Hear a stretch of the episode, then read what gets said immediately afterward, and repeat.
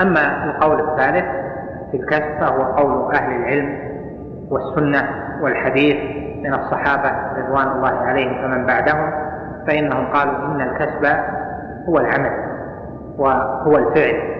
والله جل وعلا قال لها ما كسبت وعليها ما اكتسبت.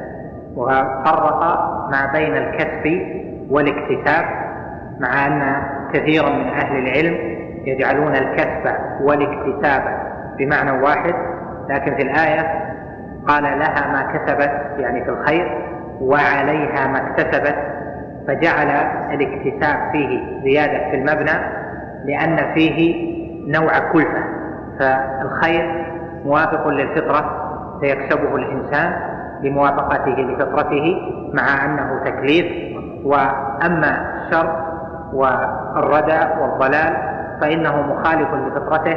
لذلك إتيان المحرمات وإتيان الموبقات ونحو ذلك على ما في الإنسان ربما من الشهوة لبعض ذلك لكن يحتاج معه إلى أن يعمل نفسه أن يتعب نفسه ويخالف فطرته في أن يأتي تلك الموبقات. لذلك زاد المبنى ليدل على أنها فيها نوع كلفة ومشقة في ما يعمله المرء من الشر. قال لها ما كسبت وعليها ما اكتسبت يعني من الشر. فجعل أهل السنة الكسب بمعنى العمل. المسألة السابعة معنى خلق الله جل وعلا لفعل العبد وتحقيق مذهب أهل السنة والجماعة في ذلك. قلنا إن الإنسان عمله من خير أو شر يضاف إليه حقيقة. فهو الذي عمل الخير حقيقة وهو الذي عمل الشر حقيقة. ومع ذلك لا يقال إنه خلق فعله بل هو عمله ويضاف إليه لأنه كسبه وعمله.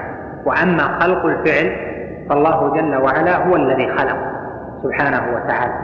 وبيان ذلك الفرق ما بين مذهب أهل السنة والجماعة وما بين مذهب القدرية.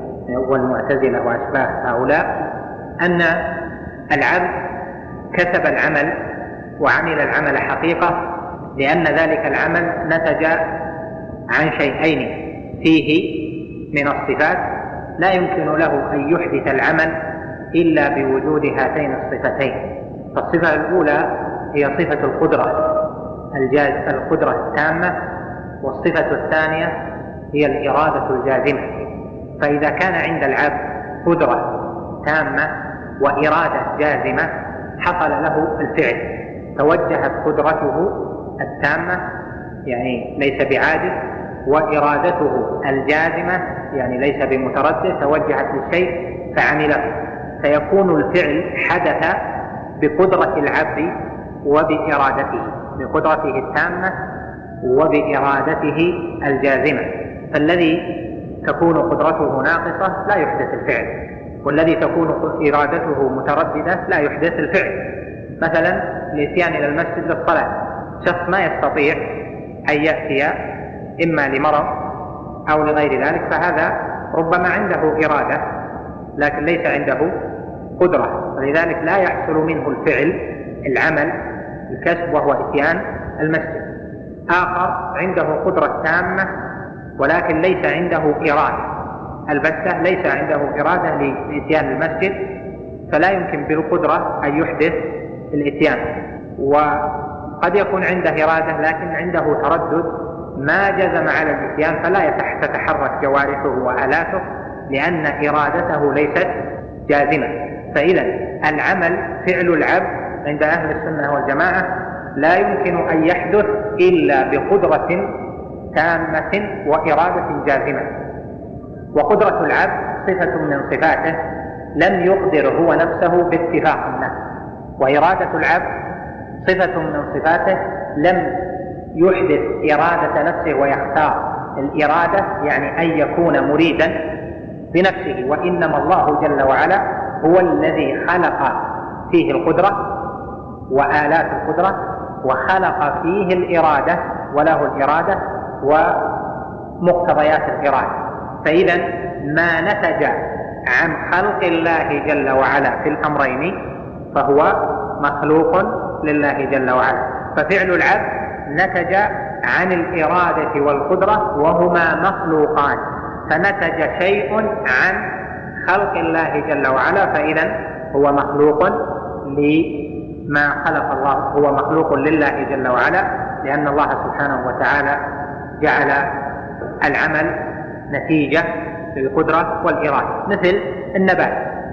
أنزل الله جل وعلا من السماء ماء فأنبت به أزواجا من نبات شتى.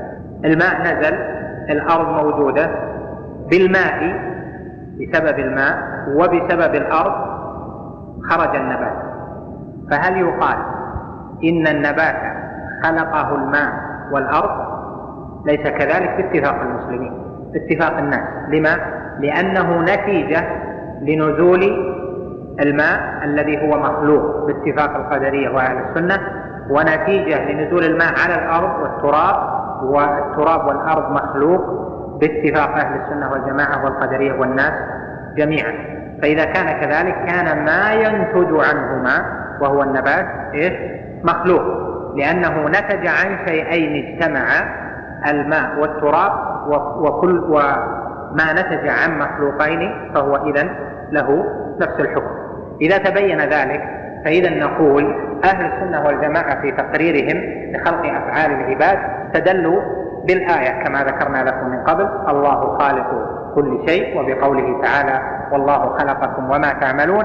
وأيضا استدلوا بهذه القاعدة وهو أن عمل العبد لا ينتج إلا عن هاتين الصفتين. لهذا الله جل وعلا إذا لم يعطي العبد القدرة فإنه يرفع عنه التكليف. صل قائما فإن لم تستطع فقاعدا ليس على الأعمى حرج ولا على الأعرج حرج ولا على المريض حرج. وإذا لم يعطه الإرادة كان مجنونا لا يريد أو كان صغيرا إرادته. لا تتوجه إلى شيء بجزم عن عقل فإنه أيضا يكون التكليف مرفوعا عنه لأن الفعل لا يتوجه إليه. الحقيقة إذا أن العبد ابتلي بهذه الصفات التي فيه. ابتلي بالصفات الجسمانية هذه كلها ومنها صفة القدرة وصفة الإرادة.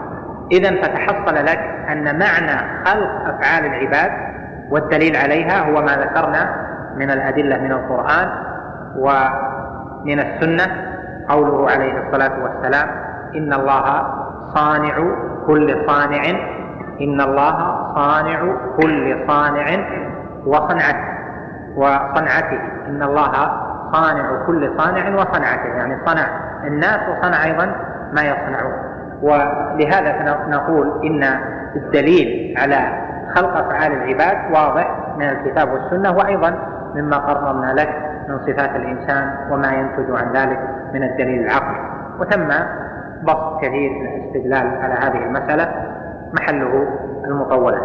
المسألة الثامنة في مسائل القدر هذه ألفاظ ترد معك في مباحث القدر فلا بد أن تعرفها بوضوح. ثم بعد ذلك إذا قرأت ما شئت من المساء من الكتب في باب القدر ستكون واضحة إن شاء الله تعالى لك. المسألة الثامنة معنى الاستطاعة. التي وصف الله جل وعلا بها المكلف ونفاها عن بعض. فقال في النفي وكانوا لا يستطيعون سمعا والعبد مستطيع فاتقوا الله ما استطعتم واسمعوا وأطيعوا. فالعبد أثبتت له استطاعة ونفيت عنه استطاعة والاستطاعة التي أثبتها ربنا جل وعلا للعبد غير الاستطاعة التي نفاها وهذه المسألة مسألة الاستطاعة فيها بحث طويل مع القدرية والجبرية معا وسيأتي تفصيل الكلام عليها إن شاء الله تعالى في آخر شرح الطحاويه لأنه تعرض لها الطحاوي في أواخر هذه العقيدة المختصرة. المسألة التاسعة في معنى إضلال الله جل وعلا من أضل وهدايته من هدى. إذا كنا نقول إن الإنسان غير مجبور على الإضلال على الضلال وغير مجبور على الهدى فما معنى قوله يضل من يشاء ويهدي من يشاء؟ وهذا من احتجاجات الجبرية. ما معنى من يشاء الله يضلله ومن يشاء يجعله على صراط مستقيم؟ ما معنى من يهدي الله فهو المهتد ما معنى من يضلل الله فلا هادي له؟ ويذرهم في طغيانهم يعمهون. ونحو ذلك من الآيات التي فيها إثبات الإضلال واله هذه المسألة ضل فيها الناس ومن أجلها ضلت الجبرية والقدرية. وهي مرتبطة في بيانها بمسألة التوفيق والخذلان. فالله جل وعلا علق الإضلال بمشيئته. وعلق الهداية بمشيئته. ونعلم أن ما شاء الله كان وما لم يشأ لم يكن. فما شاء الله جل وعلا خلقه. الذي يشاءه سبحانه وتعالى أن يكون فإنه يكون. والذي يشاء الله جل وعلا ألا يكون فإنه لا يكون. إذا كان كذلك فإن حدوث الهداية وحدوث الضلال نتيجة لأشياء. ولذلك جاء لفظ التوفيق والخذلان في النصوص. جاء لفظ التوفيق في القرآن في قوله تعالى وما توفيقي إلا بالله. ونحو ذلك فالله جل وعلا يوفق من يشاء ويخذل سبحانه وتعالى من يشاء. ما معنى وفق وخذل؟ وما صلتها بيهدي الله من يشاء ويضل من يشاء؟ إذا تبين لك معنى التوفيق والخذلان فإنه سيتبين لك بوضوح معنى أن الله جل وعلا يضل من يشاء ويهدي من يشاء سبحانه وتعالى. التوفيق عند أهل السنة والجماعة وإمداد الله جل وعلا بعونه إمداد الله جل وعلا العبد بعونه ويعني بإعانته وتسديده وتيسير الأمر وبذل الأسباب المعينة عليه. فإذا التوفيق فضل لأنه إعانة وأما الخذلان فهو سلب التوفيق وهو سلب الإعانة يعني التوفيق إعطاء من كرم. وأما الخذلان فهو عدل وسلب لأن العبد أعطاه الله جل وعلا القدر أعطاه الصفات أعطاه ما به يحصل الهدى أعطاه الآلات يسر له أنزل عليه الكتب. فلذلك هو بالآلات التي معه بالآلات التي معه قامت عليه الحجة. لكن الله جل وعلا ينعم على من يشاء من عباده بالتوفيق. فيعينهم ويسددهم ويفتح لهم أسباب تحصيل الخير. ويمنع من شاء ذلك فلا يسدده ولا يعينه ولا يفتح له أسباب الخير بل يتركه ونفسه. وهذا معنى أنه جل وعلا يخذل يعني لا يعين يترك العبد وشأنه ونفسه. ومعلوم أن العبد عنده آلات يحصل بها الأشياء لكن هناك أشياء ليست في يده. هناك أشياء لا يمكن له أن يحصلها. فهذه بيد من؟ بيد الله جل وعلا.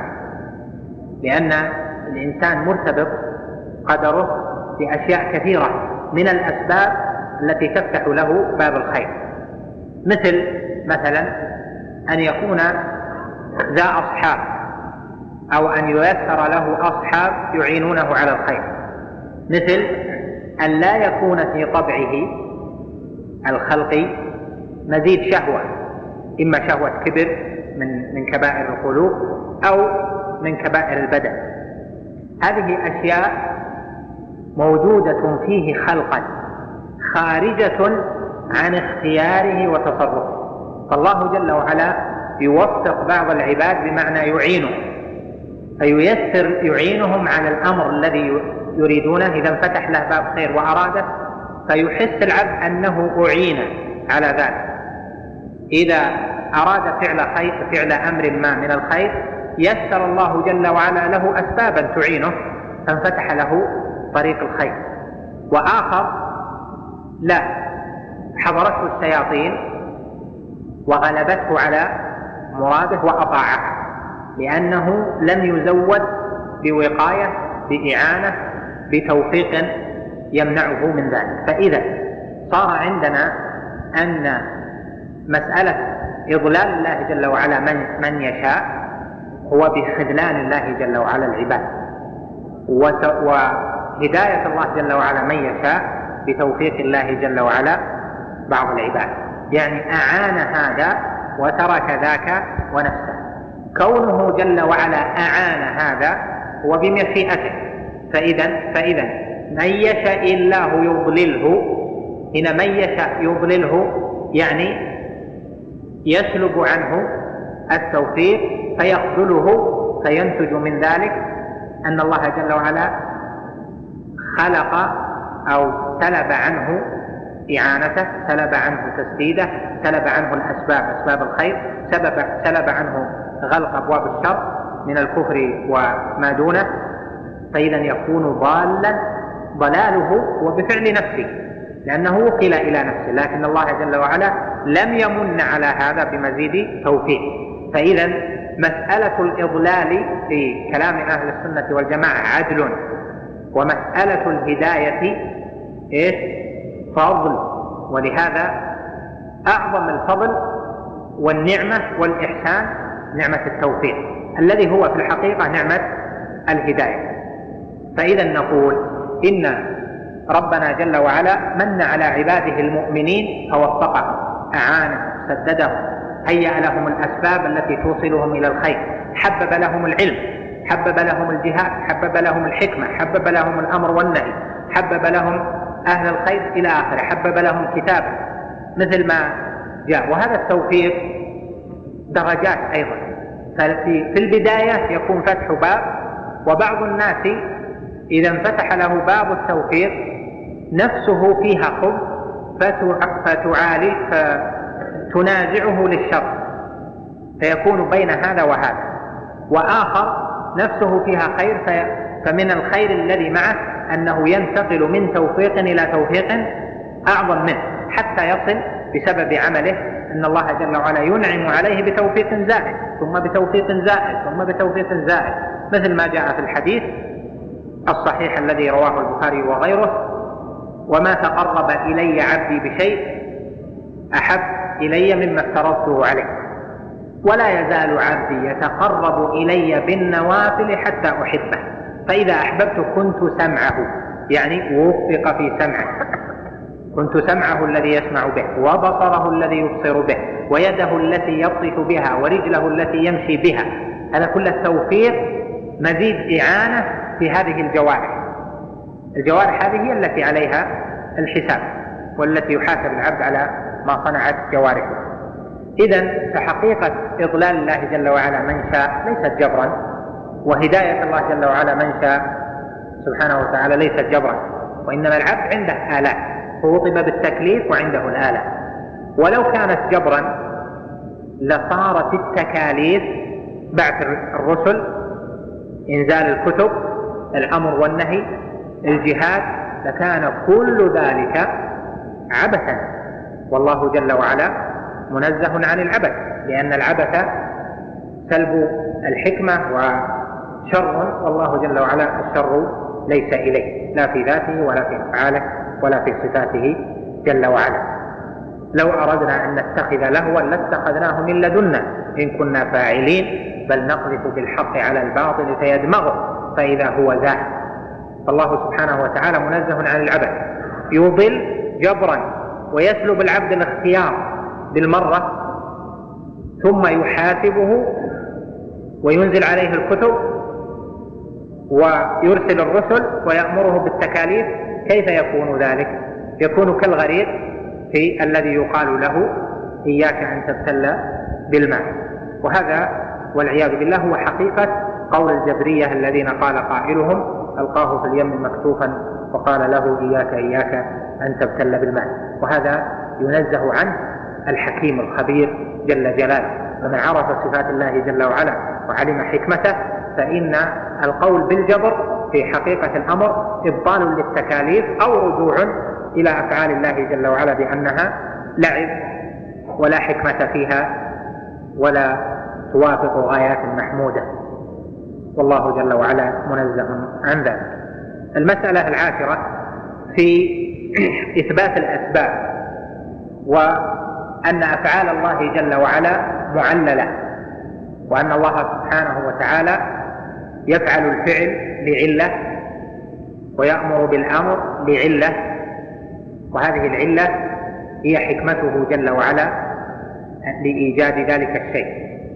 وهذا في الأمور الكونية وفي الأمور الشرعية. فما أحدثه الله جل وعلا في ملكوته أمرا فحدث فله حكمة جل وعلا من إيجاده. وما أمر به جل وعلا في الشرع من الأحكام التشريعية أو نهى عنه فهو لعلة. الله سبحانه يأمر في الشرع بما مصلحته راجحة أو تامة وينهى في الشرع عما مفسدته تامة أو راجحة.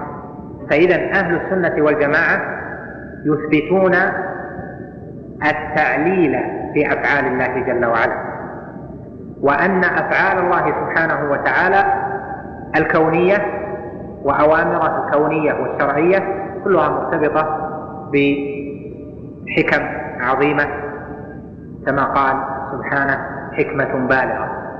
فما تغني النذر. إذا تبين ذلك ففي القرآن إثبات أفعال الله جل وعلا معللة وتنزيه الله جل وعلا عن أن يفعل الفعل لا لعلة. كما قال سبحانه وما خلقنا السماء والأرض وما بينهما لاعبين. لو أردنا أن نتخذ لهوا لاتخذناه من لدنا إن كنا فاعلين بل نقذف بالحق. على الباطل فيدمغ وقال أيضا جل وعلا في السماوات والأرض ما خلقناهما إلا بالحق وقال جل وعلا ذلك بأن الله هو الحق وأن ما يدعون من دونه هو الباطل وأن الله هو العلي الكبير وفي الأشياء الشرعية الأوامر والنواهي الأدلة على على التعليل كثيرة جدا جدا. المقصود من هذا أن الله سبحانه وتعالى إذا كانت أفعاله معللة فأفعاله جل وعلا لم يفعلها في مخلوقاته مباشرة دون وسائل بل جعل الله جل وعلا إيصال الفعل إلى نهايته منوطا بأسباب وكل سبب يحدث مسببا ولهذا قال أهل السنة بإثبات التعليل في أفعال الله جل وعلا والأسباب. وأما أهل البدع من الجبرية وغيرهم فإنهم ينفون العلل وبالتالي ينفون الأسباب. ولذلك يقال للجبرية الأشاعرة ومن نحى نحوهم يقال لهم نفاة الأسباب وهم في الحقيقة نفاة التعليل. يقولون أفعال الله جل وعلا غير معللة فإذا السبب لا ينتج المسبب ولكن يحدث عنه المسبب عند الالتقاء. وهذا أيضا قول يعني في نفي الأسباب والتعليل قول ابن حزم وجماعة من الذين ظاهرهم متابعة الحديث. إذا تبين ذلك فإن حقيقة السبب لأن الله جل وعلا يخلق شيئا ويأمر بشيء أمرا كونيا ويكون ذلك سببا لأشياء كثيرة. فمثلا إنزال المطر من السماء الله جل وعلا أمر بإنزاله وفي إنزاله لله جل وعلا حكمة وأمره سبحانه وتعالى بأن ينزل هذا الماء على الأرض مرتبط بعلة لأن الأرض حياتها بالماء. وأيضا إنزال المطر على هذه الأرض المعينة مرتبط بعلة. الله جل وعلا يعلمها. كما قال في بعض حكمته ولقد صرفناه بينهم ليذكروا. فأبى أكثر الناس إلا كفورا. إذا تبين ذلك فالماء ينتج عن شيء آخر. نزول الماء الماء سبب. والله سبحانه وتعالى بين أنه أنبت النبات بالماء فأنبتنا به حدائق ذات بهجة أنبتنا به فأنبتنا به جنات وحب الحصير فأخرجنا به. إذا صارت كلمة به هذه تدل على أن الإخراج بالماء وأن الماء بسببه صار الإخراج يعني الماء أنتج الإخراج. أما غير أهل السنة فماذا يقولون؟ يقولون عند التقاء الماء بالأرض حصل النبات. فيفسرون الحرف بكلمة بنحو نحو كلمة عند من من الكلمة. فإذا عندهم عندية فلذلك ينفون السبب يقولون لا الماء لم ينبت إلا على المجاز العقلي. كما تقول أنبت الماء البقل والمنبت هو الله جل وعلا. لذلك يذكرون هذه القاعدة في في كتب العقائد وفي كتب البلاغة يسمونها البلاغ المجاز العقلي. أنبت الربيع البقل إيش؟ أو نحو ذلك. فإذا نقول إن الله جل وعلا من حكمته أنه خلق الأشياء وجعلها اسبابا لأشياء. خلق ماء الرجل وجعله سببا لحمل المرأة. خلق اللباس وجعله سببا للدفء.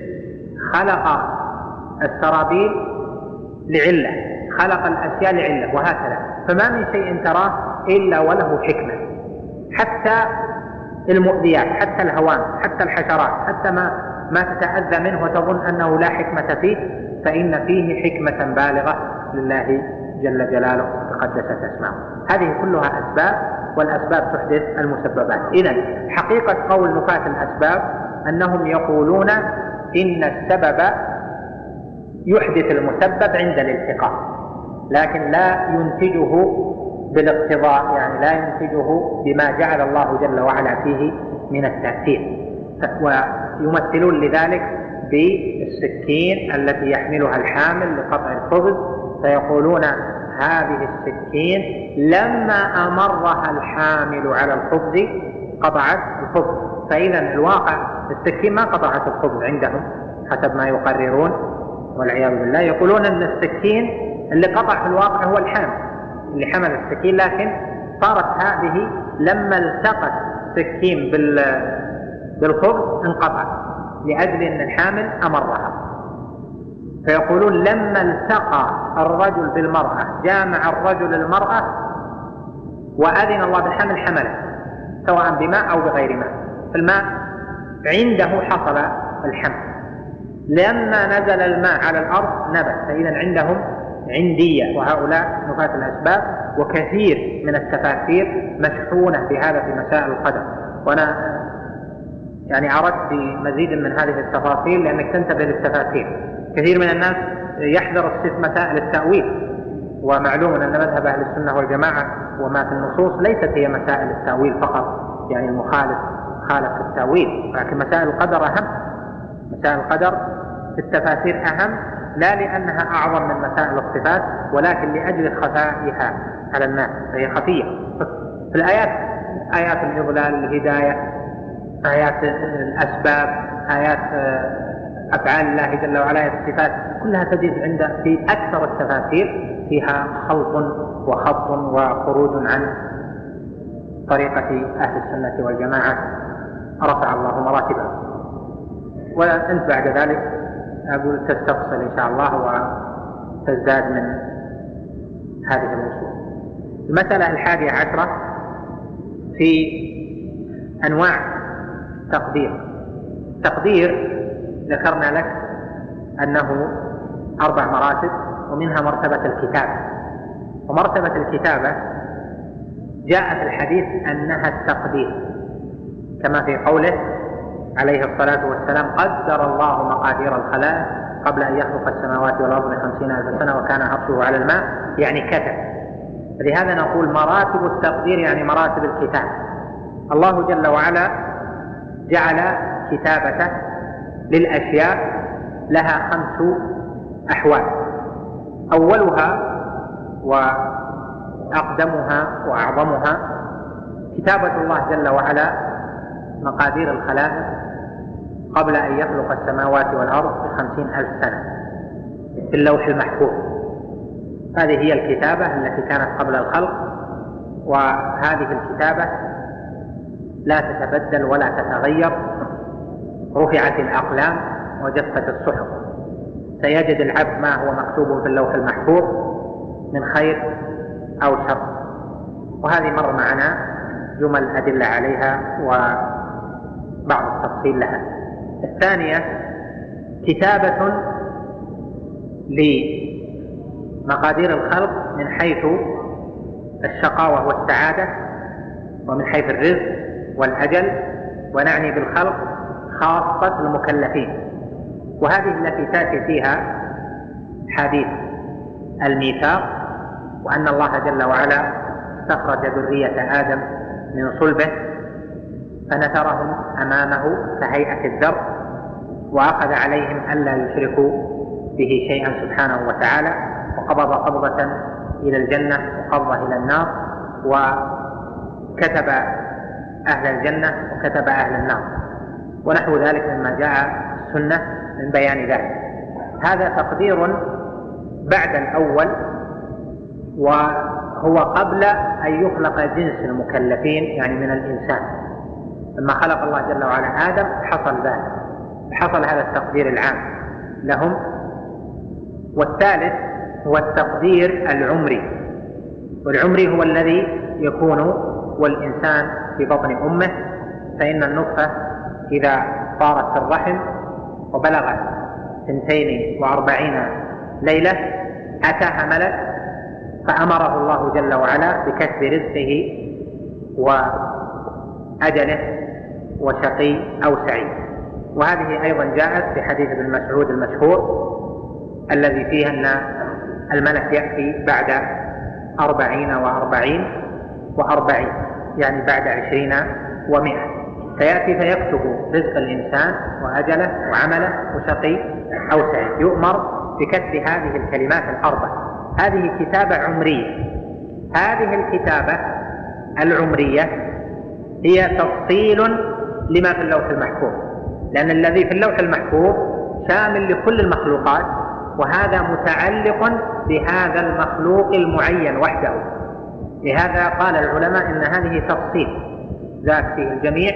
وهذا للإنسان المعين بخصوصه قالوا تفصيل ولك أن تقول تفصيل الكتابة الرابعة الكتابة السنوية.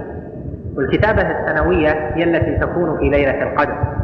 قال جل وعلا حاميم والكتاب المبين إنا أنزلناه في ليلة مباركة إنا كنا منذرين. فيها يفرق كل أمر حكيم. قدر تكتب فيها مقادير المقادير في تلك السنة من السنة إلى السنة. إيش معنى ذلك؟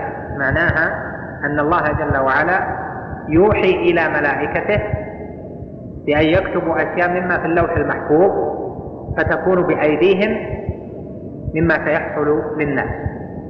والخامس التقدير الأخير هو تقدير اليوم. واستدل له أهل العلم بقوله سبحانه كل يوم هو في شأن. إذا تبينت هذه المراتب فإنه قد ثبت في السنة أن الله جل وعلا يزيد في العمر ينسأ في الأثر يبسط في الرزق. فقال عليه الصلاة والسلام من سره أن يبسط له في رزقه وينسى له في أثره فليصل رحمه. يعني الرزق صار يتغير والأثر العمر صار يتغير. وقال أيضا في الحديث الآخر إن العبد ليحرم الرزق بالذنب يصيبه فمعناه في حرمان لبعض الرزق. وهذا معنى قول الله جل وعلا في آية سورة الرعد يمحو الله ما يشاء ويثبت وعنده أم الكتاب. فنظر أهل العلم في ذلك فقالوا إن المراتب الثلاث الأول هذه لا تتغير ولا تتبدل. يعني الأول السابق القديم الذي في اللوح المحفوظ وهؤلاء إلى الجنة وهؤلاء إلى النار وكذلك كتب الملك الكلمات الأربع لهذا جاء في آخر الحديث مؤكدا عليه الصلاة والسلام على أنها لا تتغير وإن الرجل ليعمل بعمل أهل الجنة حتى ما يكون بينه وبينها إلا ذراع فيسبق عليها الكتاب فيعمل بعمل أهل النار فيدخلها. وإن الرجل ليعمل بعمل أهل النار حتى ما يكون بينه وبينها إلا ذراع فيسبق عليه الكتاب فيعمل بعمل أهل الجنة فيدخلها. الثلاثة الأولى هذه ما تتغير. إيش اللي يتغير ويتبدل؟ ويحدث فيه المحو والإثبات والزيادة إلى آخره. ويؤثر فيه الدعاء ويؤثر فيه الأعمال الصالحة. هذا التقدير السنوي. والتقدير السنوي في الحقيقة هو من التقدير الأول هو من اللوح المحفوظ. لكنه في اللوح المحفوظ وجد معلقا فصار بأيدي الملائكة معلقا. وأما التقدير العمري فهو ما فيه النهاية. يعني ما كتبه الله جل وعلا بما فيه نهاية العبد وما فيه نتيجة أثر الدعاء وأثر الأعمال إلى آخره مما قد يكون متغيرا. إذا فقوله جل وعلا يمحو الله ما يشاء ويثبت يعني مما في أيدي الملائكة من الصحف. يمحو الله ما يشاء ويثبت وكذلك من التقدير اليومي إذا كان كذلك فهذا به تفهم الأحاديث التي فيها تغيير الرزق تغيير العمر والنفس الأثر أو حرمان الرزق بالذنب ونحو ذلك. ومنه أيضا تفهم قول عمر رضي الله عنه فيما جاء عنه. اللهم إن كنت كتبتني شقيا فاكتبني سعيدا. يعني فيما يتعلق بتلك السنة من الإضلال والهداية. هذه إحدى عشرة مسألة لعل فيها بيانا لما تحتاج إليه في هذا الركن من أركان الإيمان.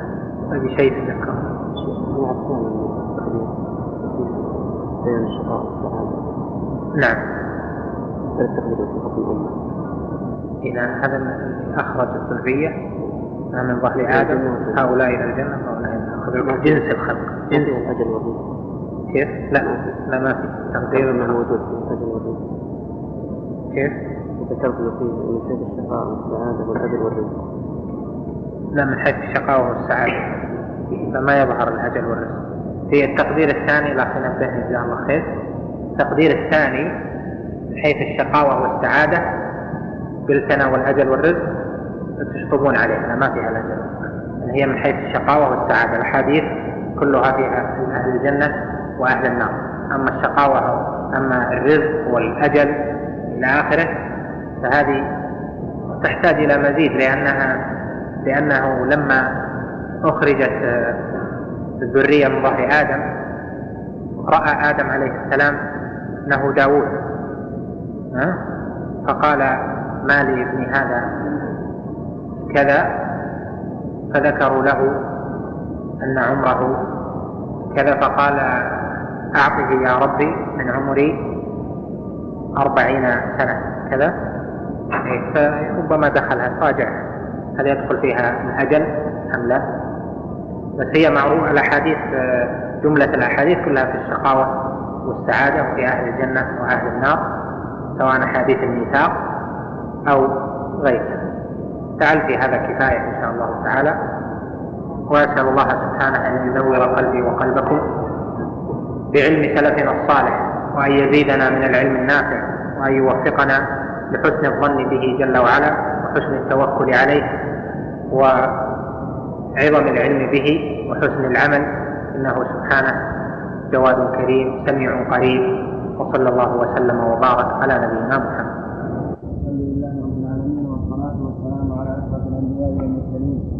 نبينا محمد وعلى آله وصحبه أجمعين قال العلامة الطحاوي رحمه الله تعالى فهذا جملة ما فهذا جملة ما يحتاج إليه من هو منور قلبه من أولياء الله تعالى وهي درجة الراسخين في العلم لأن العلم علمان علم في الخلق موجود وعلم في الخلق مفقود فإنكار العلم الموجود كفر وادعاء العلم المفقود كفر ولا يثبت الإيمان إلا بقبول العلم الموجود وترك طلب العلم المفقود.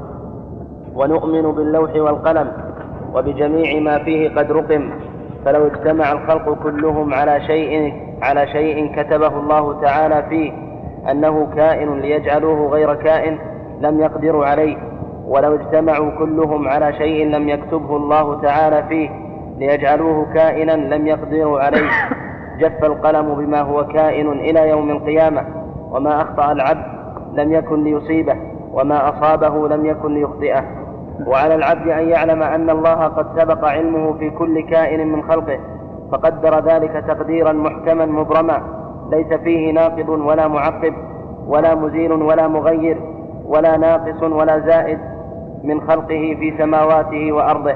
وذلك من وذلك من عقد الإيمان وأصول المعرفة والاعتراف بتوحيد الله تعالى وبربوبيته كما قال تعالى في كتابه وخلق كل شيء فقدره تقديرا وقال تعالى وكان أمر الله قدرا مقدورا فويل لمن صار لله تعالى في القدر خصيما.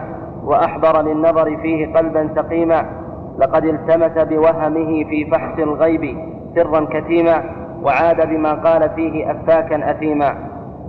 بسم الله الرحمن الرحيم. أحمد رب الله جل وعلا على ما أنعم به وتفضل وأشهد أن لا إله إلا الله وحده لا شريك له وأشهد أن محمدا عبد الله ورسوله صلى الله عليه وعلى آله وصحبه أجمعين. أما بعد فأسأل الله جل وعلا أن يجعلني وإياك من الذين غفر ذنبهم وبارك لهم في قولهم وعملهم. اللهم فاغفر ذنوبنا وأجزل أجورنا وأنت أرحم الراحمين.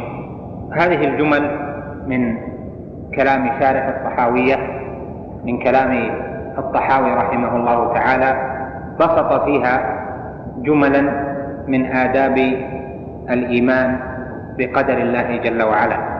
وعلى خلاف العادة في المختصرات والمتون التي يراد حفظها وانتشارها فإنه قد أفاض بالكلام مما لا يدخل كله في ضمن القواعد والأصول والعقائد وإنما فيه جمل من ذلك وأكثره تفصيل وزيادة في البيان. ولهذا سنطوي إن شاء الله بيان الجمل على تفاصيلها ونذكر ما اشتملت عليه من العلوم والعقائد لأن المقصود هو العلم والإيمان بقدر الله جل وعلا ومعرفة منهج السلف الصالح وعقيدة أهل السنة والجماعة في هذه المسائل العظام. لما ذكر ما ذكر قد ذكرنا لكم جملا من المسائل التي بها تعلم اعتقاد أهل السنة والجماعة في قضاء الله جل وعلا وقدره. فقال بعدها فهذا جملة ما يحتاج إليه من هو منور قلبه من أولياء الله تعالى وهي درجة الراسخين في العلم لأن العلم علمان علم في الخلق موجود وعلم في الخلق مفقود. أراد بذلك أن ما ذكره في القدر وما ذكرناه لك من المسائل هذا من العلم الذي علمنا ربنا جل وعلا ورسوله صلى الله عليه وسلم مع أن الأصل أن القدر سر الله تعالى. وغيبه الذي لم يطلع عليه ملك مقرب ولا نبي مرسل. ولهذا أمر نبينا صلى الله عليه وسلم بأنه إذا ذكر القدر أمسكنا. فقال عليه الصلاة والسلام وإذا ذكر القدر فأمسكوا.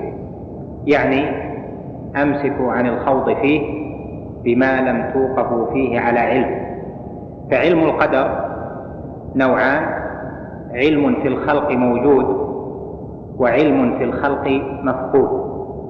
وهذا تفسير أنسب عندي لأجل أن نعلق تقسيم العلم إلى علم موجود وعلم مفقود فيما يتصل بالقدر لا في أصل العلوم لأنه أشار في ذلك إلى ما سبق فقال فهذا جملة ما ما يحتاج إليه من هو منور قلبه. ومعلوم أنه لم يذكر كل ما يحتاج إليه من هو منور قلبه في مسائل العقائد لأنه بقي كثير ستأتي في هذه الرسالة. فيرجع قوله فهذا جملة ما يحتاج إليه ما يحتاج إليه من هو منور قلبه إلى مسائل القدر منضبط. أما إذا قيل إنه إلى علم العقيدة جميعا فإنه لم يذكر أشياء كثيرة وستأتي بعد الكلام على مسائل القدر كما ستراه إن شاء الله تعالى. فإذا نقول إن الطحاوي رحمه الله أراد أن علم القدر العلم به على نوعين. علم في الخلق موجود وهو ما علمنا الله جل وعلا إياه في كتابه وما علمناه رسوله صلى الله عليه وسلم. وهذا كما قال إنكار العلم الموجود كفر. إذا تبين أنه من عند الله جل وعلا وليس ثم شبهة ولا تأويل فإن إنكار العلم الموجود كفر لأنه تكذيب لله جل وعلا ولرسوله صلى الله عليه وسلم. والعلم الموجود في القدر كما رأيت مما جاء في الكتاب والسنة يعلمه الراسخون في العلم. وأما من ليس بذي رسوخ في العلم فإنه في مسائل القدر لا يزال على اشتباه وعلى عدم وضوح. فالواجب على من لم يكن من الراسخين في العلم من عامة أهل الإيمان أن يقول ربنا آمنا به كل من عند ربنا. كما وصف الله جل وعلا الراسخين مع علمهم أنهم قالوا ذلك ليقتدي بهم الناس فيما لم يعلموا. قال سبحانه والراسخون في العلم يقولون آمنا به كل من عند ربنا.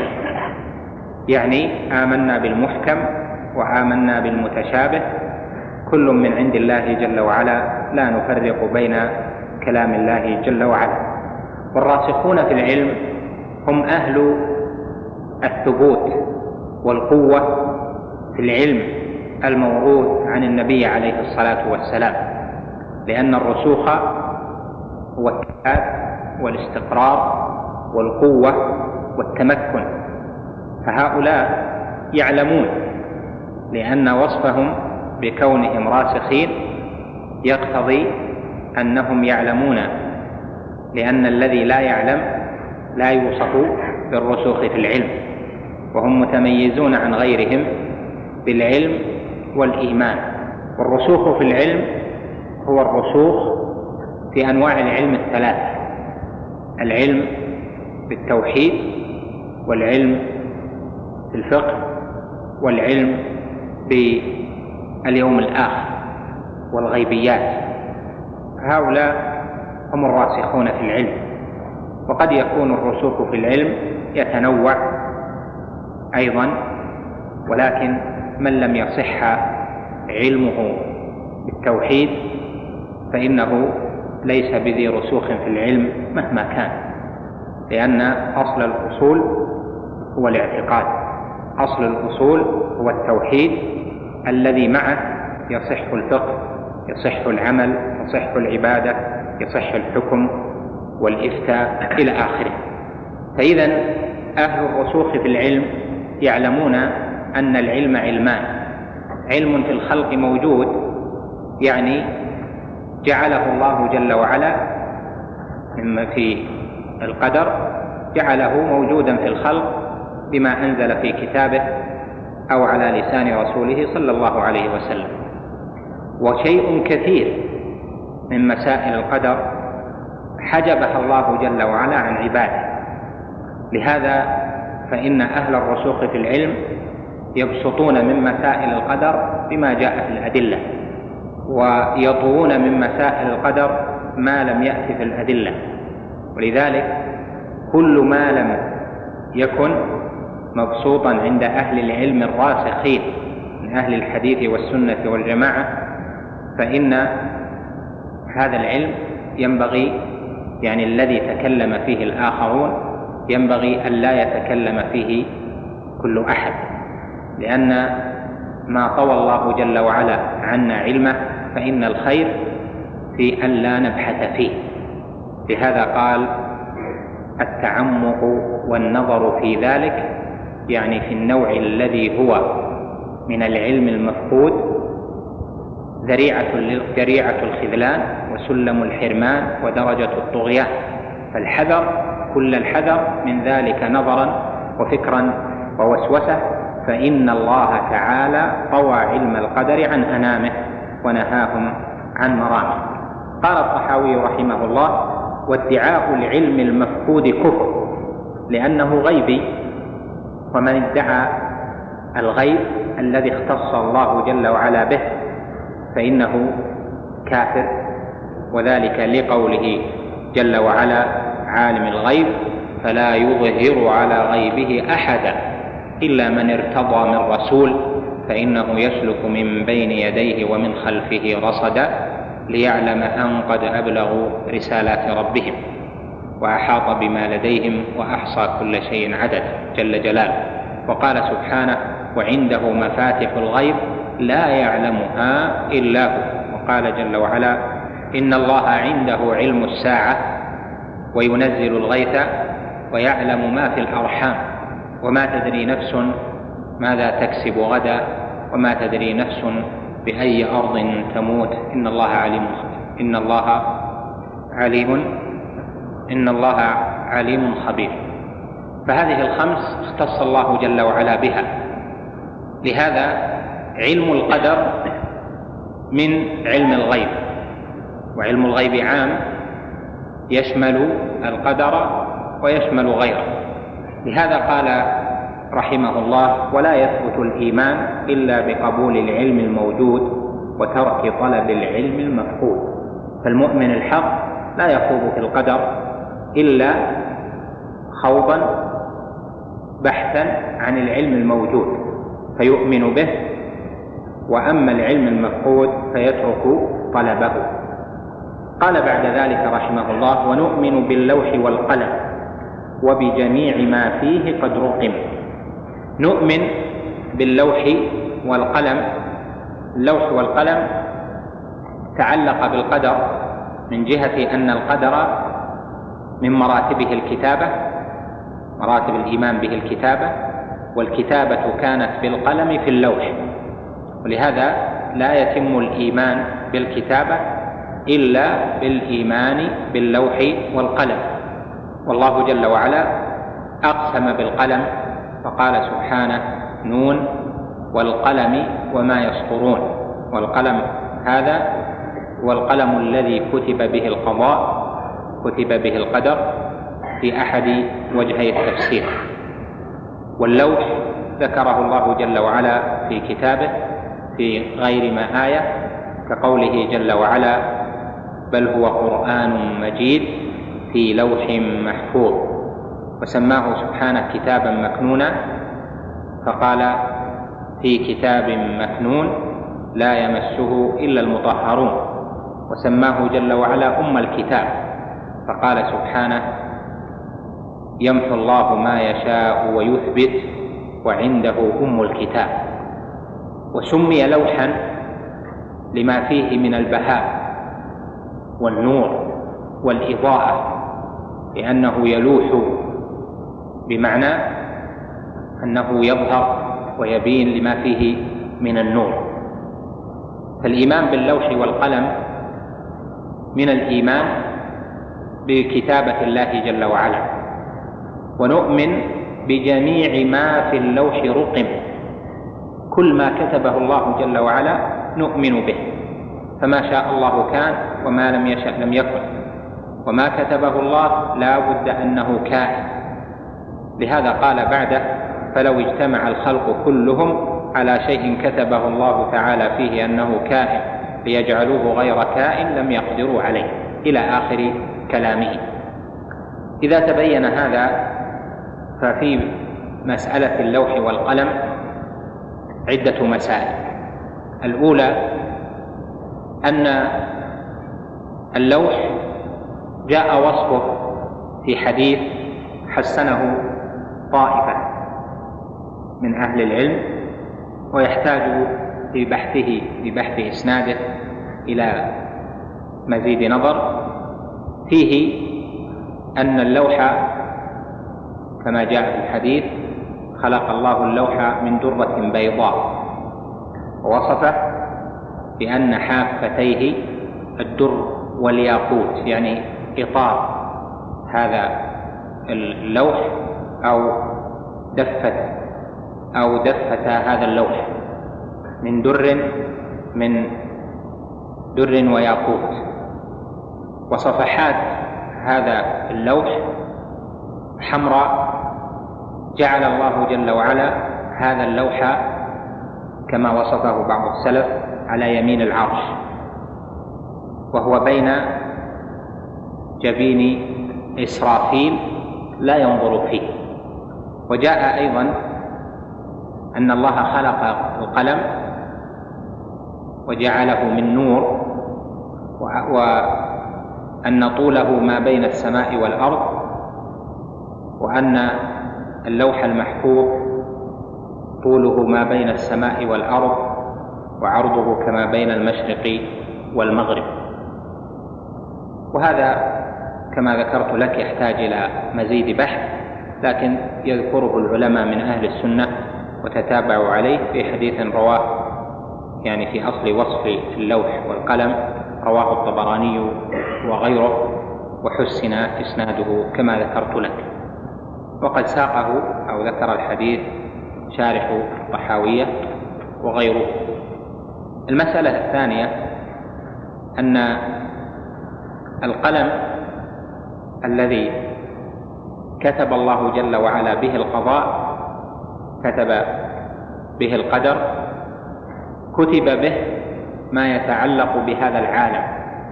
يعني كتب به القدر إلى قيام الساعة.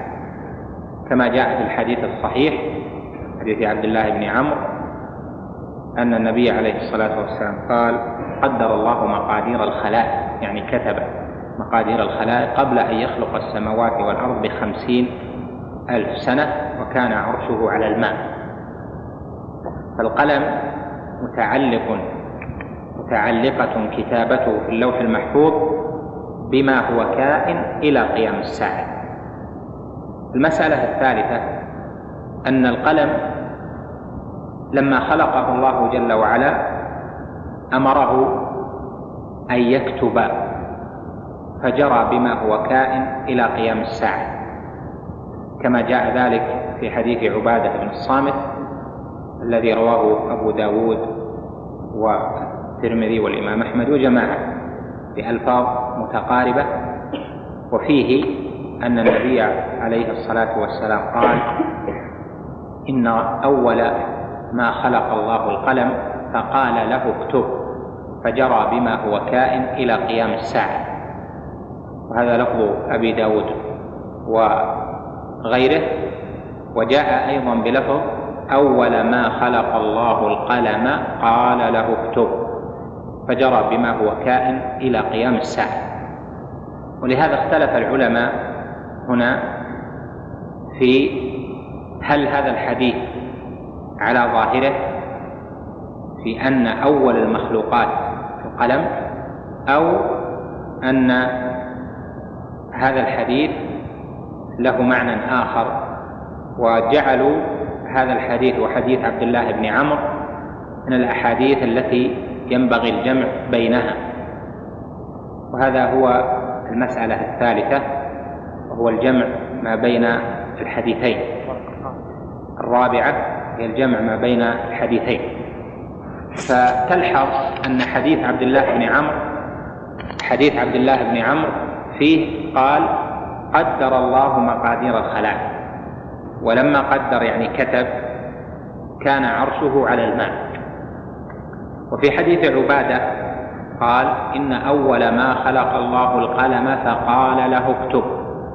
فيقتضي حديث عبادة أن الأمر بالكتابة كان مرتبا على ابتداء الخلق خلق القلم وتقدير القدر كان قبل خلق السماوات والأرض بخمسين ألف سنة والعرش على الماء.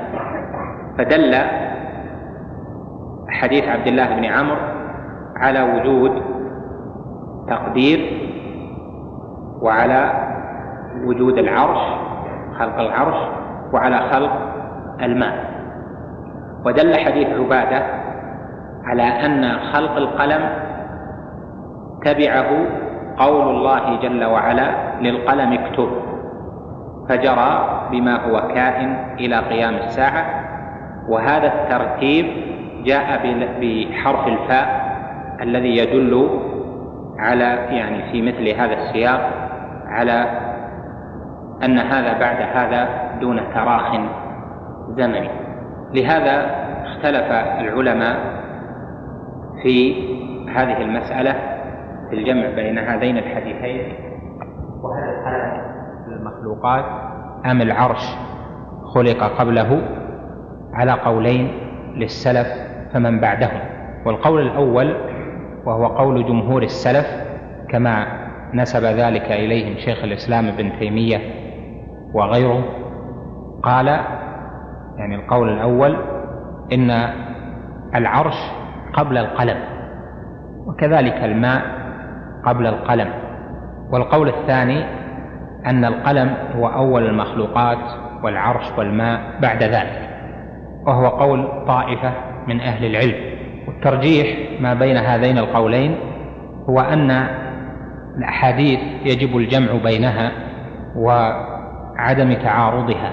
وحديث عبادة بن الصامت في قوله عليه الصلاة والسلام إن أول ما خلق الله القلم فقال له اكتب يقتضي أن الكتابة كانت بعد خلقه. وحديث عبد الله بن عمرو يقتضي تقدم وجود العرش والماء على حصول الكتابة. فدل هذان الحديثان على أن العرش والماء موجودان قبل وأن خلق القلم تبعته الكتابة. ولهذا نسبه شيخ الإسلام إلى جمهور السلف بان القلم موجود بعد العرش والماء. وهذا تدل عليه رواية أول ما خلق الله القلم قال له اكتب يعني حين أول بمعنى حين أول ما خلق الله القلم قال له اكتب حين خلقه قال له اكتب وهذا هو معنى إن أول ما خلقه الله القلم فقال له اكتب لأن الجمع بين الروايات أولى من تعارضها. وقد ذكر ابن القيم رحمه الله في كتابه التبيان أن قوله إن أول ما خلق الله القلم ورواية أول ما خلق الله القلم إما أن تجعل جملتين أو جملة واحدة. وقد ذكر هذا النقل شارح الطحاوية فترجع إليه. وخلاصة البحث هو ما ذكرت لك من التقدير فإن قوله إن أول ما خلق الله القلم إن أول ما خلق الله القلم. هنا برفع القلم تكون خبر. إن يعني إن أول الذي خلق الله إن أول المخلوقات القلم. فقال له اكتب. وإذا كان أول المخلوقات فكيف يفسر مع حديث وكان عرشه على الماء الذي ذكرته لك فقوله إن أول المخلوقات أو أول ما خلق الله أول الذي خلقه الله يفهم على أن القلم جرى بما هو كائن إلى قيام الساعة قبل خلق السماوات والأرض بخمسين ألف سنة. فالقلم متعلق بما كتب في اللوح المحفوظ متعلقا بما يحدث في هذا العالم المخصوص لا في مطلق الأشياء.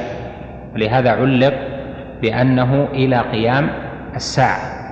فاذا يفهم لما كان التعلق تعلق الكتابة بهذا العالم الذي جرى التقدير عليه إلى قيام الساعة يفهم أن القلم لما تعلق بهذه بهذا العالم كتابة لتقديره ولقدره ولآجاله إلى آخره فإنه من هذا العالم لأن العوالم أجناس والله جل وعلا جعل لمخلوقاته أقدارا وأجناسا.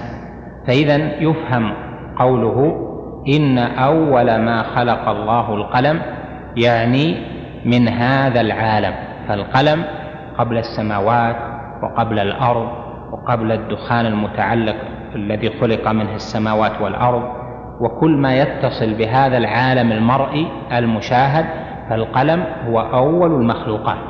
أما العرش والماء فليسا متعلقين بهذا العالم.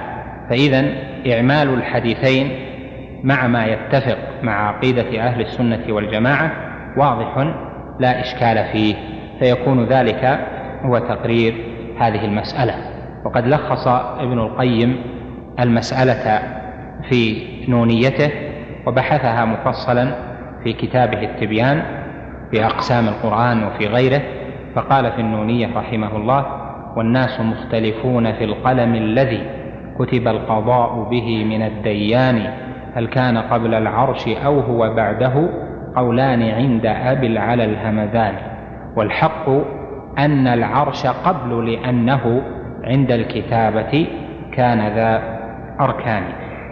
وهذا القول كما ترى من تقريره مع دليله هو الصحيح وهو الموافق لفقه النص وفقه خلق العالم وآثار فعل الله جل وعلا في ملكوته ومتفق مع القول بأن الله جل وعلا فعال لما يريد وأن قبل هذا العالم ثم عوالم أخرى والله جل وعلا يخلق ما يشاء ويختار وأنه ثم أشياء أخرى بعد قيام الساعة والقلم متقيد بما خلقه الله جل وعلا له والله سبحانه له الأمر كله يقضي ما يشاء ويحكم ما يريد سبحانه وتعالى. المسألة الخامسة جاء في حديث أنس الذي رواه البخاري وغيره في قصة الإسراء أن النبي عليه الصلاة والسلام ذكر عروجه إلى الله جل وعلا ليلة المعراج ثم قال في وصف ارتفاعه عليه الصلاة والسلام ثم إني رفعت لمستوى أسمع فيه صريف الأقلام.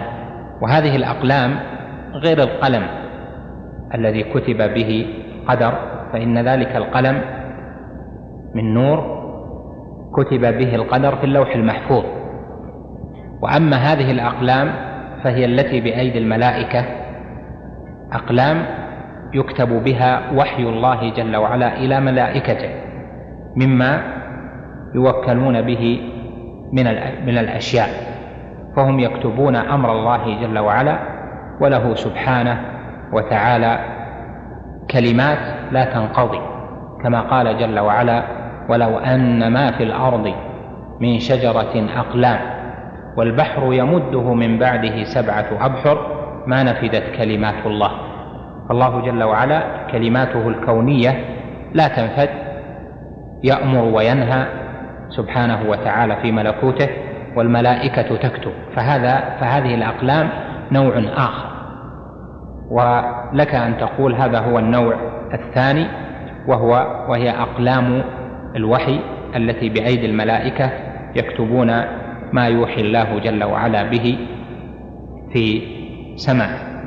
قال رحمه الله بعد ذلك فلو اجتمع الخلق كلهم على شيء كتبه الله تعالى فيه يعني في اللوح أنه كائن ليجعلوه غير كائن لم يقدروا عليه. ولو اجتمعوا كلهم على شيء لم يكتبه الله تعالى فيه ليجعلوه كائنا لم يقدروا عليه. جف القلم بما هو كائن إلى يوم القيامة وما أخطأ العبد لم يكن ليصيبه وما أصابه لم يكن ليخطئه. وهذه العقيدة هي حقيقة الإيمان بالقضاء والقدر هي أن يعلم العبد أن ما أصابه لم يكن ليخطئه وأن ما أخطأه لم يكن ليصيبه وأنه لو فعل ما فعل فإنه لن يحجب قضاء الله جل وعلا وقدره لما؟ لأنه لا يمكن أن يفعل خلاف ما قدر الله جل وعلا لهذا وجب التسليم لله جل وعلا في أمره ووجب في أمر المصائب التي لا اختيار للعبد فيها أن يسلم لله جل وعلا ذلك وأن يؤمن بقضاء الله جل وعلا الذي يقضيه. وقضاء الله جل وعلا كما ذكرت لك هو إنفاذه ما قدر جل وعلا وهذا القضاء له جهتان. جهة متعلقة بالله جل وعلا وهي فعله سبحانه وتعالى وفعله بأن يقضي صفة من صفاته فهذه يجب على العبد أن يحبها وأن يرضى بها لأنها صفة من صفات الله جل جلاله. وللقضاء تعلق آخر بالعبد ذا بالرب فيكون مقضيا على العبد والمقضي على العبد نوعان مقضي عليه من جهة المصائب ومقضي عليه من جهة المعايب. والمصائب ربما كان لا اختيار له فيها والمعايب فعلها بإرادته. لهذا بحث العلماء مسألة الرضا بالقضاء وهل القضاء تسليم له يعني الرضا به؟ وتحقيق القول في هذه المسألة أن تعلم أن القضاء غير المقضي. المقضي هذا تعلق القضاء بالعبد والقضاء هو قضاء الله جل وعلا وهو فعله. وقد يقال فيما يتعلق بالعبد هذا قضي عليه وصار قضاء عليه فيكون قضاء بالنسبة للعبد وهو مقضي. لهذا نقول جهة الرب جل وعلا في القضاء هذا نرضى بها ونحبها. وأما ما يقضيه الله جل وعلا على العبد فإنه ما كان من المعايب المعاصي والآثام التي تقع منه فإنه يجب عليه ألا يرضى بها. يعني وقعت عليه لكن يجب عليه أن يكره ذلك الذي وقع منه ولو كان قضاء ويجب عليه أن يسارع بالانسلاخ من آثاره بالتوبة والإنابة. فلا يحب هذا العيب ولا هذا الذنب مع أنه قضى ولا يرضى به بل يسارع في تخليص نفسه منه. و وأما ما كان من قبيل المصائب التي يصاب بها العبد فإن الرضا بها مستحب غير واجب. أصيب بمصيبة فإن الرضا بها مطلوب لكنه مستحب كما قال جل وعلا ومن يؤمن بالله يهدي قلبه. قال علقمة رحمه الله هو الرجل تصيبه المصيبة فيعلم أنها من عند الله فيرضى ويسلم. فالرضا بالمقضي الذي هو من المصائب مستحب لا واجب بالنظر إلى تعلقه بالعبد وهو المقضي. أما بالنظر إلى تعلقه بالله فسواء كان من المصائب أو من المعايب فإنه يجب الرضا عن الله جل وعلا في أفعاله وصفاته ومحبة أفعال الله جل وعلا لأن الله جل وعلا يفعل ما يفعل عن حكمة عظيمة. كما قال سبحانه ولو أرادوا الخروج لأعدوا له عد لأعدوا له عدة ولكن كره الله بعاثهم فثبطهم وقيل اقعدوا مع القاعدين. لو خرجوا فيكم ما زادوكم إلا خبالا. فالله جل وعلا يقضي بحكمته ما يشاء وله الحكمة البالغة لا يسأل عما يفعل وهم يسألون. فإذا تلخص من ذلك أن ما أصاب العبد لم يكن ليخطئه وما أخطأه لم يكن ليصيبه. قال رحمه الله بعد ذلك وعلى العبد أن يعلم أن الله قد سبق علمه في كل كائن من خلقه فقدر ذلك تقديرا محكما مبرما ليس فيه ناقض ولا معقب يعني ليس له ناقض ولا معقب ولا مزيل ولا مغير ولا ناقص ولا زائد من خلقه في سماواته وأرضه. وذلك يعني هذا الذي أشار إليه من عقد الإيمان يعني مما يجب أن يعقد عليه القلب. إيمانا به. وقال عقد الإيمان يعني مما يجب في الإيمان يكون عقيدة يؤمن بها. وأصول المعرفة يعني أصول العلم بالله جل وعلا والاعتراف بتوحيد الله تعالى وبربوبيته. ويريد بتوحيد الله تعالى في هذا الموطن توحيد الله جل وعلا في تصرفه في ملكه وفي عبادته فإن العبد إذا اعترف بأن الله جل وعلا هو المتصرف في ملكه وأنه ما شاء كان وما لم يشأ لم يكن وأنه هو المدبر وهو الرب جل جلاله فإنه يوحد الله في في قدره ويوحد الله جل وعلا في أفعاله كما يوحد الله جل وعلا في ربوبيته بعامة. ففي الحقيقة من تأمل توحيد الربوبية وآمن حقا بربوبية الله جل وعلا فإنه يؤمن بالقدر لأن الإيمان بالقدر من ثمرات الإيمان التام بربوبية الله جل وعلا. فإن المؤمن بالربوبية بأن الله جل وعلا هو الرب المتصرف في ملكه والسيد المطاع هو الذي لا معقب لحكمه ولا راد لأمره هو الذي ما شاء كان هو الذي لا يغالب في ملكه هو الذي يعطي ويمنع ويخلق ويرزق ويميت ويحيي. من آمن بالربوبية على تفاصيلها فإنه لن يجادل في القدر لأنه يعلم أنه مربوب مستسلم لله جل وعلا. ختم ذلك بقوله كما قال تعالى في كتابه وخلق كل شيء فقدره تقديرا وقال تعالى وكان أمر الله قدرا مقدورا قال فويل لمن صار لله تعالى في القدر خصيما وأحضر للنظر فيه قلبا سقيما. لقد التمس بوهمه الوهم بالتحريك وهم والفهم أو الإدراك أو الذهن أو ما أشبه ذلك. والوهم بالسكون والغفلة عن الشيء.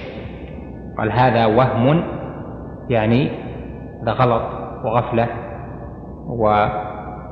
ونحو ذلك. أما الوهم فهو الإدراك والفهم إلى آخره. قد قال لقد التمس بوهمه. في فحص الغيب يعني بذهنه وفهمه وتفكيره.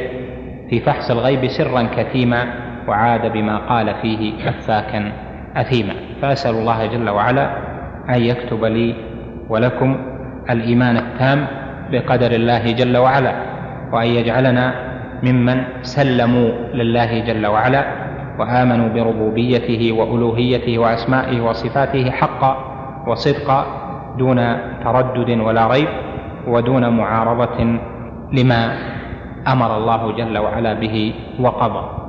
جيب عن بعض الأسئلة. قال إن من ضابط الكبيرة ما توعد فيه بنفي الإيمان فهل كل نص نفي فيه الإيمان دال على أن مرتكبه فاعل للكبيرة؟ نرجو بيان الضابط في ذلك. في ذلك حيث أشكل هذا على بعض الإخوة. هذه المسألة أصلها أن الله جل وعلا حرم أشياء وقسم جل وعلا المحرمات إلى قسمين إلى كبائر وإلى صغائر. فقال جل وعلا الذين يجتنبون كبائر الإثم والفواحش إلا اللمم فجعل ثم كبائر وثم صغائر. وقال جل وعلا أيضا إن تجتنبوا كبائر ما تنهون عنه نكفر عنكم سيئاتكم وندخلكم مدخلا كريما. وصح عنه عليه الصلاة والسلام أنه قال الكبائر سبع. وفي الحديث المتفق على صحته اجتنبوا السبع الموبقات الشرك بالله والسحر إلى آخره. فإذا انقسام المحرمات إلى كبائر وصغائر أمر مقرر في الشريعة في القرآن والسنة. وعليه جمهور أو أكثر أهل العلم أو غالب أهل العلم. وقال آخرون إن الذنوب كلها كبائر لأن الصغيرة إذا نظر فيها إلى حق من عصي بها فهي كبيرة. واستدلوا لذلك بقوله عليه الصلاة والسلام إنهما ليعذبان وما يعذبان في كبير بلى إنه كبير. فجعله ليس بكبير ثم أثبت أنه كبير. فقالوا إن الذنب لا يكون صغيرا. وهذا غلط ممن قال به لأنه عليه لأن النصوص دالة على التقسيم. ثم النبي عليه الصلاة والسلام قال في ذكر المكفرات الصلاة إلى الصلاة والجمعة إلى الجمعة ورمضان إلى رمضان مكفرات لما بينهما ما اجتنبت الكبائر. وصح أيضا أنه عليه الصلاة والسلام جاءه رجل وقال يا رسول الله إني لقيت امرأة في بعض السكك فأصبت منها غير أني لم أنكح. فقال عليه الصلاة والسلام هل صليت معنا؟ فقال نعم.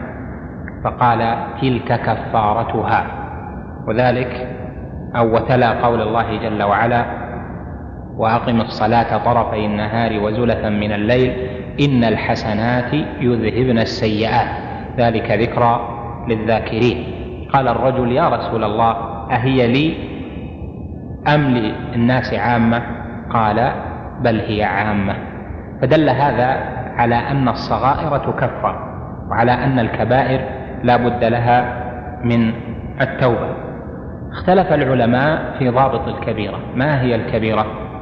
وبما تحد على أقوال كثيرة جدا لكن الذي نرجحه في ذلك تبعا للمحققين من أهل العلم أن الكبيرة ما توعد فيه يعني ما جاء الدليل بأن صاحبه متوعد. بالحد في الدنيا أو بالعذاب في الآخرة. ما كان فيه الوعيد بحد في الدنيا كشرب الخمر والزنا والسرقة والقذف وأشباه ذلك فإن هذا أو ما هو أكبر من ذلك فإن هذا كبير لأنه متوعد صاحبه بالعذاب بالنار في الآخرة و أو بالحد في الدنيا. وزاد شيخ الإسلام ابن تيمية اجتهادا منه على هذا أنه ما جاء النص فيه بنفي الإيمان واللعن فإنه يدل على أنه كبير ونظمها ابن عبد القوي في منظومته المشهورة التي طبعت مؤخرا فقال في ذلك في حد الكبيرة فما فيه حد في الدنا أو توعد بأخرى فسم يعني سمي فسم كبرى على نص أحمد أو فسم يعني أعلم لكن فسم كبرى على نص أحمد. يعني هذا هو الذي نص عليه الأحمد الإمام أحمد وهو قول جمهور العلماء. قال وزاد حفيد المجد يعني شيخ الشيخ تقي الدين بن تيمية وزاد حفيد المجد أوجى وعيده بنفي لإيمان وطرد لمبعد يعني ما جاء فيه النص بنفي الإيمان لا يؤمن من لا يأمن جاره بوائقه. وطرد لمبعد لعن الله من غير منار الأرض. هذا يدل على أنه كبيرة عند شيخ الإسلام. إذا تبين ذلك فكأن السائل يسأل عن ضابط نفي الإيمان. لأنه فيه نصوص نفي فيها الإيمان وبالإجماع أنه ليس بكبير كقوله عليه الصلاة والسلام لا يؤمن أحدكم حتى يحب لأخيه ما يحب لنفسه. والضابط في نفي الإيمان أنه ما نفي الإيمان فيه عمن فعل محرما. أما من لم يفعل محرم فإن نفي الإيمان ليس من هذا الباب. لكن من فعل محرما فإن دخول نفي الإيمان على الفعل المحرم ينقل هذا الفعل المحرم من كونه صغيرة إلى كونه كبيرة. لا يؤمن من لا يأمن جاره بوائقه. أما قوله لا يؤمن أحدكم حتى يحب لأخيه ما يحب لنفسه فهذا بالإجماع مستحب. قوله يعني أن تحب لأخيك ما تحب لنفسك من الخير بالإجماع على أنه مستحب. وقال لا يؤمن أحدكم حتى أكون أحب إليه من والده وولده والناس أجمعين ونحو ذلك فهذا لا يدخل في البحث. وإنما المقصود إذا كان الشيء محرما فاقترن بالشيء المحرم نفي الإيمان عمن فعله. والله أعلم. اقتراح. طيب هذا جيد. خلني أقرأ عليكم عشان يعرف الإخوة ما نعاني.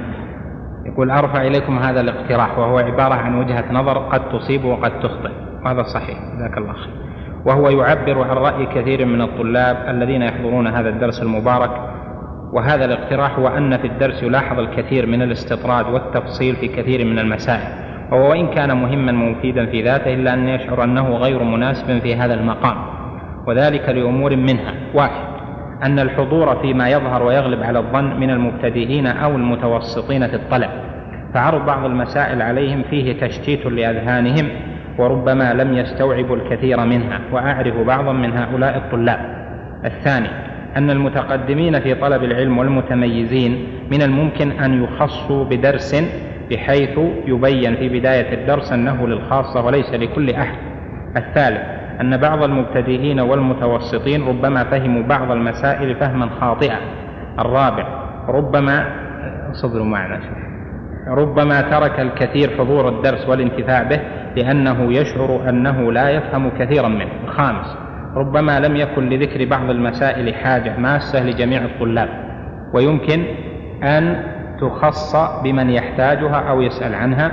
وفي الختام أقترح أن يوزع على الطلاب استبيان شامل لما يتعلق بالدرس كي يستفاد من آراء واقتراحات الطلاب. وأرجو أن لا أكون أثقلت عليك بكثرة الكلام وأسأل الله جل وعلا أن يحفظكم ويبارك فيكم وينفع بكم الإسلام المسلمين. جزاك الله خير. هذا الاقتراح هو وجيه في نفسه. وفي الحقيقة كما تعلمون أنه لا بد من التدرج في طلب العلم. لكن نقع في حرج في مثل هذه الدروس في مع من لهم الحق الأول وهم الإخوة من الطلاب جزاهم الله خيرا الذين مشوا معنا سنوات في الدروس السابقة. فعلموا شرح لمعة الاعتقاد ثم علموا شرح الواسطية ثم الآن شرح الطحاوية. فالتدرج في الطلب نمارسه معهم شيئا فشيئا والعلم له دورة. ففي العقيدة مثلا اللي بينتهي معنا إلى شرح الطحاوية وقد علم ما قبلها فقد أخذ دورة كاملة يمكن معه إذا فهم كل ما نقول أن يكون فهم ما ينبغي فهمه في مسائل الاعتقاد. أما القول بأن هذا للخاصة فهذا في الحقيقة درس للمتوسطين أو ما هو أقل من المتوسط لأن العلم واسع وكثير لكن هذا بلا شك أنه عند من لم يسمع ما قبله فإنه ربما يكون صعب كثيرا.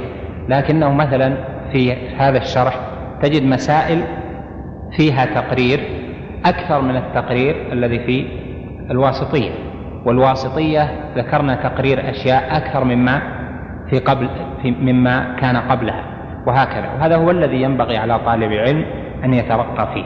فالذي يحضر وهو لم يؤهل لهذا المستوى مثلا وصعب عليه بعض الأشياء لعدم تقدم منهجية له في الطلب قبل ذلك فإما أن يصبر معنا ويراجع يفهم ما يفهم والشكوى على الله فيما لم يفهم وإما أن يجتهد هو في أن يفهم الجميع ولا بد له أن يحصل. لكن إن أحس أنه لا, لا يفهم أو أنه لا يستفيد فكونه يحضر عند من يستفيد منه ويرقيه في العلم أو لا ولا شك الدروس دائما نواجه فيها بمثل هذا. يأتي واحد يقول هذا صعب والثاني يقول اليوم ما جبت شيء زيادة يعني عما والواحد يقع في في حرج في مثل هذه المسائل. والعلم واسع العلم كثير. ما يقولوا العوام العلم إيش؟ العلم بحر. وصحيح العلم بحر. نعم؟ لا والله هو يتكلم جزاه الله خير وعبارته عبارة طالب علم أثابه الله.